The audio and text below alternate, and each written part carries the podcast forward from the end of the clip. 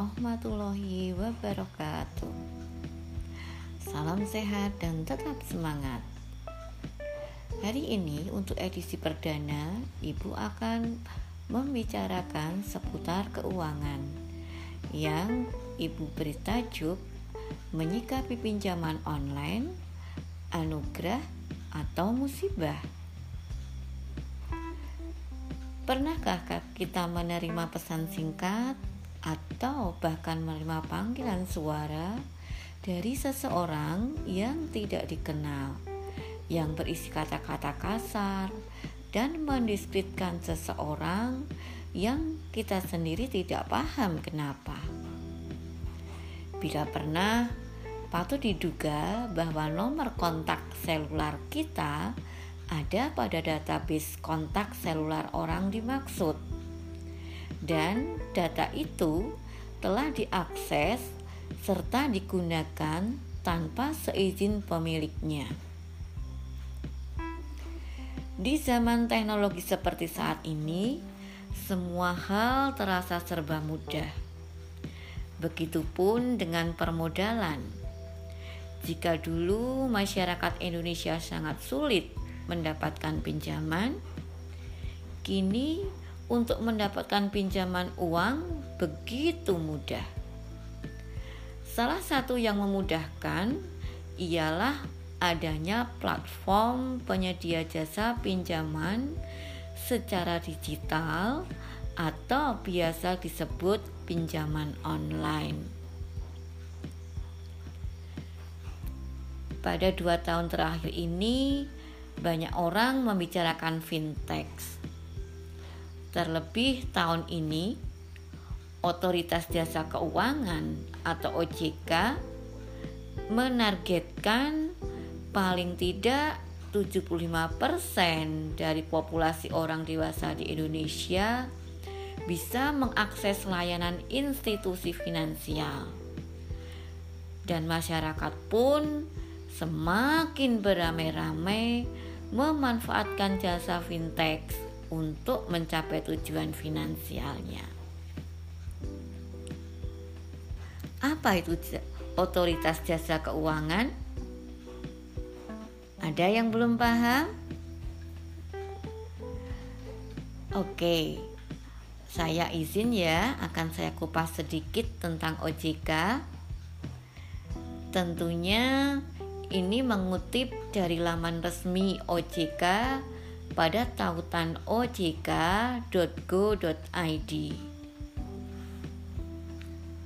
OJK merupakan salah satu lembaga pemerintah di Indonesia yang dibentuk dengan tujuan agar keseluruhan kegiatan di dalam sektor jasa keuangan dapat satu, terselenggara secara teratur, adil, transparan, dan akuntabel. Dua, mampu mewujudkan sistem keuangan yang tumbuh secara berkelanjutan dan stabil. Tiga, mampu melindungi kepentingan konsumen dan masyarakat.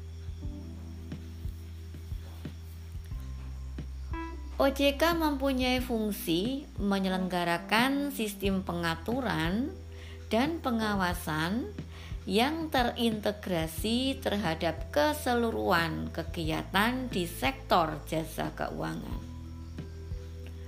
OJK sendiri mempunyai tugas melakukan pengaturan, pengawasan terhadap kegiatan jasa keuangan di sektor perbankan, pasar modal, dan lembaga keuangan non-bank.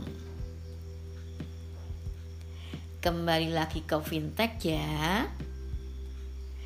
Dikutip dari Fintech Weekly, finansial teknologi yang kini lebih dikenal dengan istilah fintech adalah bentuk usaha yang bertujuan menyediakan layanan finansial dengan menggunakan perangkat lunak dan teknologi modern.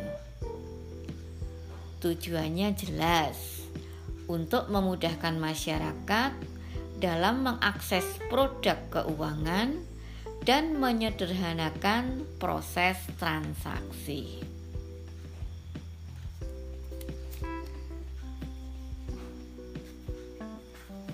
Namun demikian, tidak sedikit masyarakat yang menganggap fintech adalah saingan perbankan, karena memang keseluruhan sektornya hampir mirip dengan bank.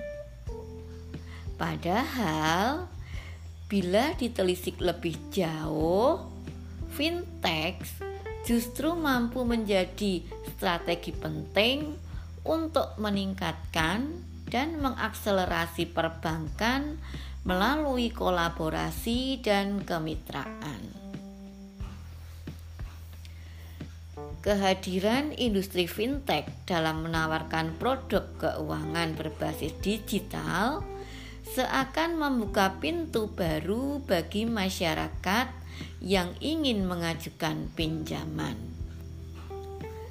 Berbanding terbalik, dengan layanan pinjaman konvensional yang ditawarkan bank atau koperasi, fintech menawarkan produk pinjaman peer-to-peer lending atau pinjaman online yang dapat diajukan dengan sangat mudah tanpa persyaratan yang rumit. Karena kemudahan dan kecepatannya itulah fintech menjadi produk yang sangat populer di kalangan generasi milenial dan diprediksi akan terus berkembang.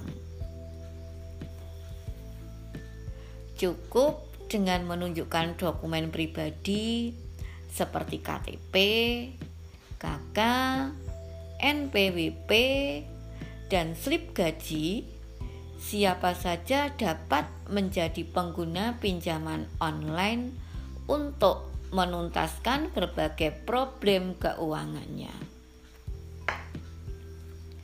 Bahkan sejak awal diajukan hingga dana sampai ke tangan nasabah, fintech hanya memerlukan waktu tidak lebih dari 24 jam.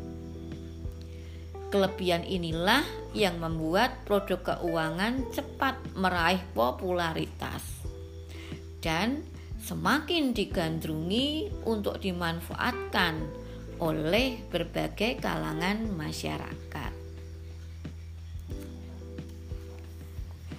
Sayangnya, di balik kemudahan dan kepraktisan yang ditawarkan, tak sedikit orang yang memanfaatkan produk pinjaman online ini dengan tidak bijak. Padahal, jika dibandingkan dengan pinjaman konvensional, pinjaman online memiliki tingkat suku bunga yang cenderung lebih tinggi dan tenor cicilan yang lebih ringkas. Pada pinjaman online, biaya administrasi tidak transparan. Alhasil, para nasabah berisiko harus membayar hutang lebih besar dari kesepakatan di awal. Selain itu, nasabah juga harus membayar biaya denda keterlambatan dan denda lainnya yang notabene tidak masuk akal. Keberadaan pinjaman online ini menjadi polemik karena rendahnya literasi keuangan pada masyarakat Indonesia. Hal ini tentu berisiko membuat debitur pinjaman online terjebak jeratan utang yang terlalu berat hingga tak mampu membayar cicilannya. Banyak berita yang tersebar di media yang menceritakan berbagai ancaman yang akan mengintai kalau sampai tidak mampu melunasi cicilan pinjaman online. Bahkan pada Selasa 26 Maret yang lalu muncul trending topik lindungi nasabah fintech yang berisi tentang pengalaman buruk meminjam uang lewat online. Kasus pinjaman online ilegal masih marak terjadi di Indonesia. Beberapa waktu yang lalu, media sosial diramaikan dengan kabar seorang guru di Kabupaten Semarang yang terjerat utang pinjol ilegal hingga ratusan juta rupiah.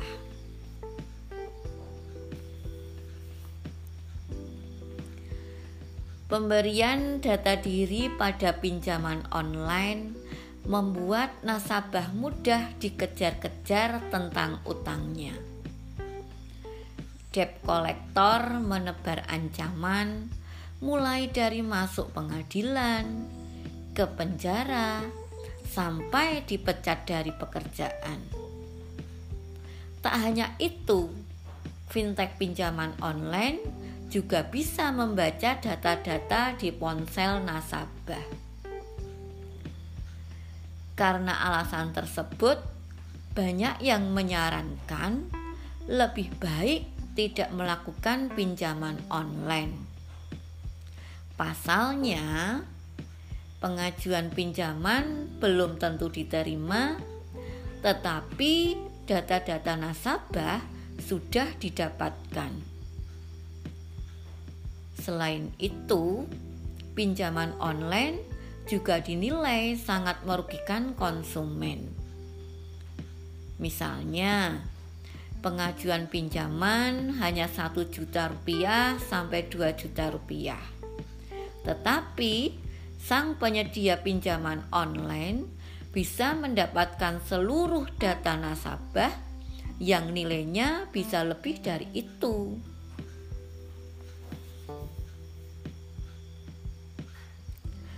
Lalu ada yang menyebutkan banyak korban bunuh diri dan stres karena terlibat dalam pinjaman peer-to-peer lending. Salah satu korban bunuh diri adalah kasus driver ojek online yang meninggal karena stres ditagih oleh debt kolektor pinjaman online. Akibat pemberitaan itu, ada yang menyarankan agar fintech pinjaman online yang menyebabkan konsumen bunuh diri ditutup dengan segera. Pasalnya, tekanan penagihan oleh debt kolektornya memicu stres konsumen. Sementara itu, fakta-fakta lain mengatakan banyak orang yang dihubungi fintech sebagai kontak darurat nasabahnya. Padahal orang itu tidak mengetahui kalau dirinya dijadikan kontak darurat. Belakangan, kontak darurat ini akan menjadi repot karena akan dihubungi secara terus-menerus oleh petugas penagih fintech dan hal ini tentunya dirasakan sangat mengganggu. Nah, untuk meminimalisir jumlah korban pinjol, OJK kembali melaporkan data terbaru tentang fintech. Sampai dengan Juni 2021, total terdapat 125 pinjol yang terdaftar di OJK atau berkurang 6 fintech dari yang terakhir kali dilaporkan pada akhir Mei 2021. OJK mengatakan keenam pemain fintech tersebut harus mengembalikan tanda terdaftarnya karena ada beberapa sebab seperti tidak memenuhi persyaratan perizinan dan tidak bisa melanjutkan kegiatan operasionalnya. Dengan pengumuman tersebut, OJK menghimbau agar masyarakat menggunakan jasa penyelenggara fintech yang sudah berizin dari OJK. Pandemi COVID-19 yang saat ini masih melanda negeri kita tidak hanya menciptakan krisis kesehatan masyarakat, namun juga berdampak serius pada aktivitas ekonomi nasional. Membangkitkan pertumbuhan ekonomi di tengah pandemi COVID-19 saat ini menjadi konsentrasi penuh pemerintah pemerintah berupaya mempercepat pemulihan ekonomi nasional dan penguatan daya beli masyarakat melalui penguatan perlindungan sosial dan dukungan terhadap UMKM. Pinjaman online tentunya bukanlah merupakan hal yang buruk dan menakutkan, karena tujuan fintech sebenarnya sangat baik, yaitu untuk memudahkan masyarakat dalam mengakses produk keuangan dan menyederhanakan proses transaksi dengan penggunaan teknologi.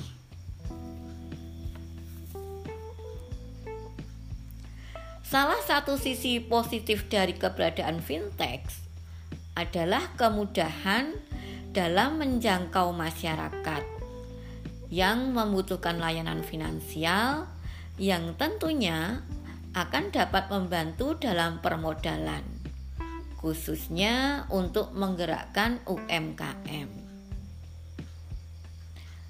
Tentunya, agar bisa memanfaatkan dan mendapatkan keuntungan dari fintech, masyarakat harus bijak dalam penggunaan platform ini, sehingga dapat terhindar dari hal-hal yang merugikan diri sendiri.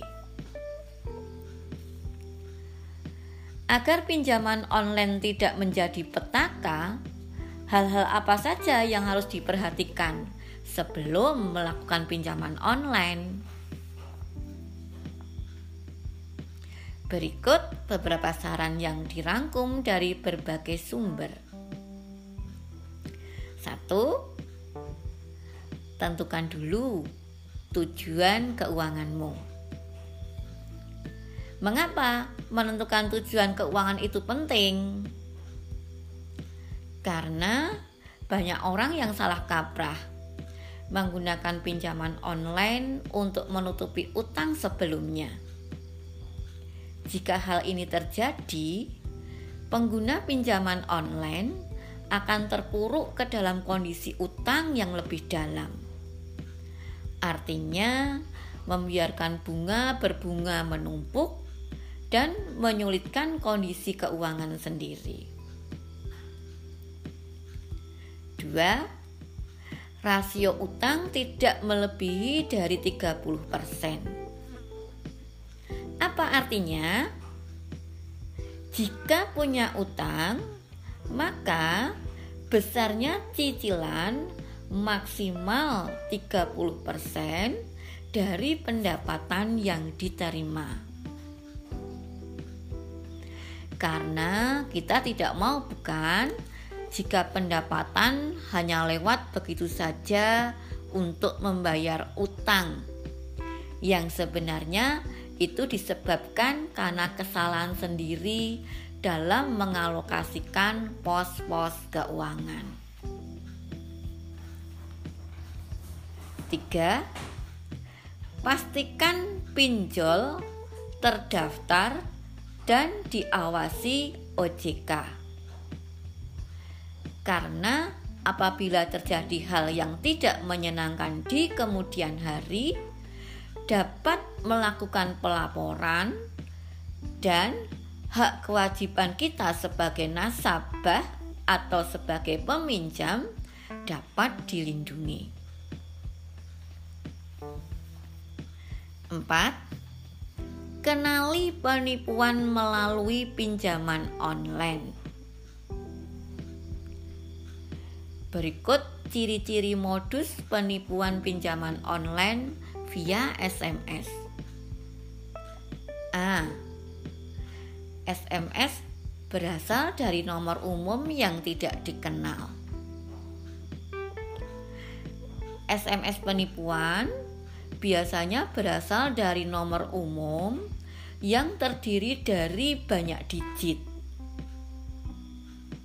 Padahal umumnya SMS yang asli yang berasal dari operator pinjol sekitar 3 sampai dengan 6 digit angka. B. Menawarkan pinjaman langsung cair tanpa memberikan persyaratan khusus. Apabila ingin mengajukan pinjaman, pastikan pinjaman online yang dipilih memberikan persyaratan yang jelas dan harus melalui website resmi atau aplikasi. C. Kelengkapan informasi perusahaan tidak valid. Pinjaman online ilegal biasanya menutupi informasi perusahaannya. Oleh karena itu, pastikan selalu kelengkapan dan kebenaran informasi identitas perusahaan pinjaman online. 5. Tips agar terhindar dari pinjaman online ilegal via SMS.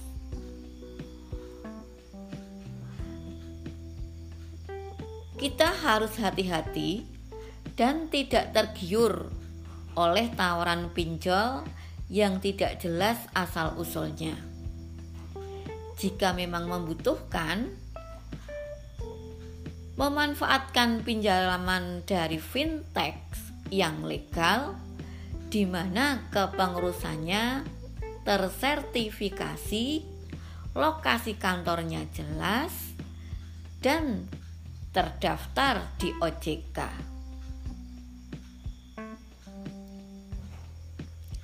Jadi, sepanjang tetap bijak dan berpikir rasional, jangan alergi dan takut dengan fintech atau pinjaman online ya.